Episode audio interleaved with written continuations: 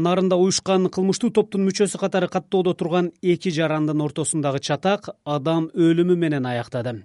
Алтынчы февралда кечке жуук жыйырма беш жаштагы эркулаткан октон отуз бир жаштагы жергиликтүү тургун көз жумду. Ички иштер министрлиги экөөнүн тең уюшкан кылмыштуу топко катышы бар экенин билдирди. Алдыда жарандык активист нурсултан акылбек менен кыргыз бийлигинин криминалга каршы күрөшү тууралуу сүйлөшөбүз нурсултан э, кыргызстандын күч түзүмдөрү криминалга уюшкан кылмыштуу топторго каршы күрөш жанданганын улам айтып келатат. Бирок дал ошондой расмий билдирүүлөрдүн фонунда каралар көчөдө бири бирине ок атып өлтүрүп кеткен окуялар да кездешүүдө. Сиз кыргыз бийлигинин криминалга каршы күрөшүн кандай баалайсыз? Мен айтып кетет элем октябрь айынан кийин криминалдын ролу мамлекеттик бийликте кайра күчөп кетип атат күрөш дегендин ордуна. Тилекке каршы биздин баягындай кулуардык сөздөрдөн карасак бул жакта кайра криминал э, бой көтөрүп э, азыркы кыргызстандын саясатына абдан бир чоң таасир этип келатат. Анан акыркы шайлоолордо дагы мына парламенттик октябрда болгон анан кийин мына январда болгон шайлоодо дагы чоң ролду ойноду да. Мисалы алардын ролу кийлигишүүсү кандай учурларда дана байкалды? Штабтарда иштеп жүрүштү шайлоолордо агитацияда. Жанагы октябрда болгон бийликке болгон күрөштө дагы мындай күч колдонуу же коркутуу үркүтүү деген фактылар бизге айтылып келет. Анан булар э, кандай десем булар инструмент деп айтсак инструмент деле эмес. Мисалы үчүн ошол октябрь айында болгон шайлоодо мекеним кыргызстан партиясына бир э, жок дегенде бир беш чакты ошол күн чөйрөгө тиешелүү адамдар кандидат болуп келишкен да булар э, ачык эле азыр саясатка кийлигишип бир чоң баягындай чечкиндүү иштерди жүргүзүшүп атышат. Буга чейин ошто криминалдын атышуусу жөнүндө уктук эле эми кечээ нарында көчөдө эле бирөөнү атып жок кылышты.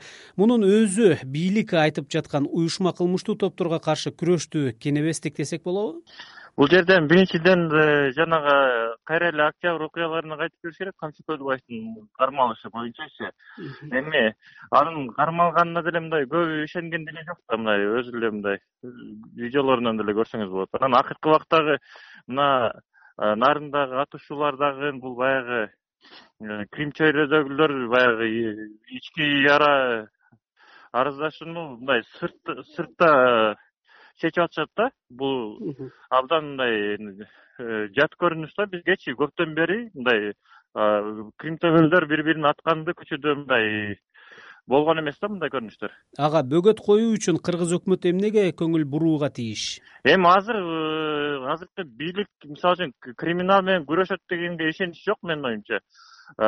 Булар э, кайрадан тыгыз байланышта болгондой болуп атат да эгер мисалы үчүн ички иштер министри толугу менен баягы кийлигишип баягы криминалдардын көбү четке чыгып э, же камалган камалганда ошондо балким бир элде бир ишенич пайда болоттур да. Бирок тилекке каршы азыр мындай биринчиден күрөштө бир э, туура эмес нукка кетип калдык. Анткени азыркы убакта криминал менен күрөштү гкмб жүргүзүп атат да ал бул гкмбнын иши эмес да өзүчө анан кийин бул жерде кандайдыр бир саясатпы же популизмби эми популизм алынган жерде күрөш эч качан эффективдүү болбойт. Анан кийин э, бийликте көп жылдан бери ошол уюшкан кылмышка мындай атайын бир стратегия жок да концепциясы. Кантип жок кылабыз мына жаш балдар мына кечээ эле атылышта баягы токсон бешинчи жылкы балдар экен да эми булар Э, криминалдын жашоосу мындай катышуучулары абдан бир жашарып кетип атат да. Ошо ошол боюнча мисалы үчүн алдын ала иш чара жүргүзүлбөгөнү ошол мвд тараптан.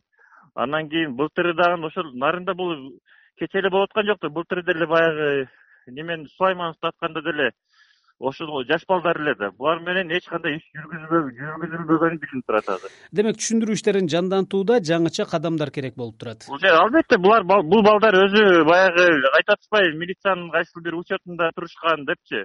А учетунда турушкан болсо эмнеге бул окуяга алып келдиришти? Ошо аттуу каяктан буларда курал жарак пайда болду? Эмнеге бул жерде арызданышып жанагы кечээки бала мисалы үчүн неме тиги аткан киши ал баланы бычактаган кайсы бир нече ай мурда дейт эмне үчүн ал иш мындай териштирилген жок эмне үчүн алдын ала криминал менен мындай күрөшүп бул бир эле баягы э, ворозакониелерди камаган эмес да эми. Профилактика жүргүзүш керек профилактика жок.